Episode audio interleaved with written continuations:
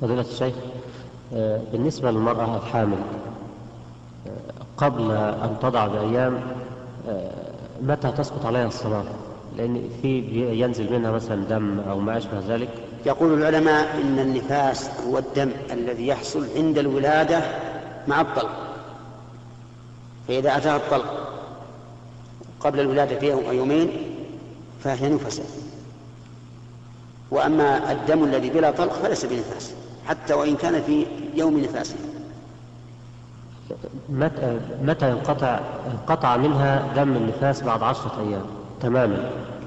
فهل عليها أن إذا انقطع دم النفاس بعد الولادة طبعا. نعم. فمتى طهرت؟ وجب عليها أن تطهر وتصلي. لا تنتظر للمدة مثلا لا لا ما تنتظر. ما دام انقطع ما تنتظر. جزاك الله.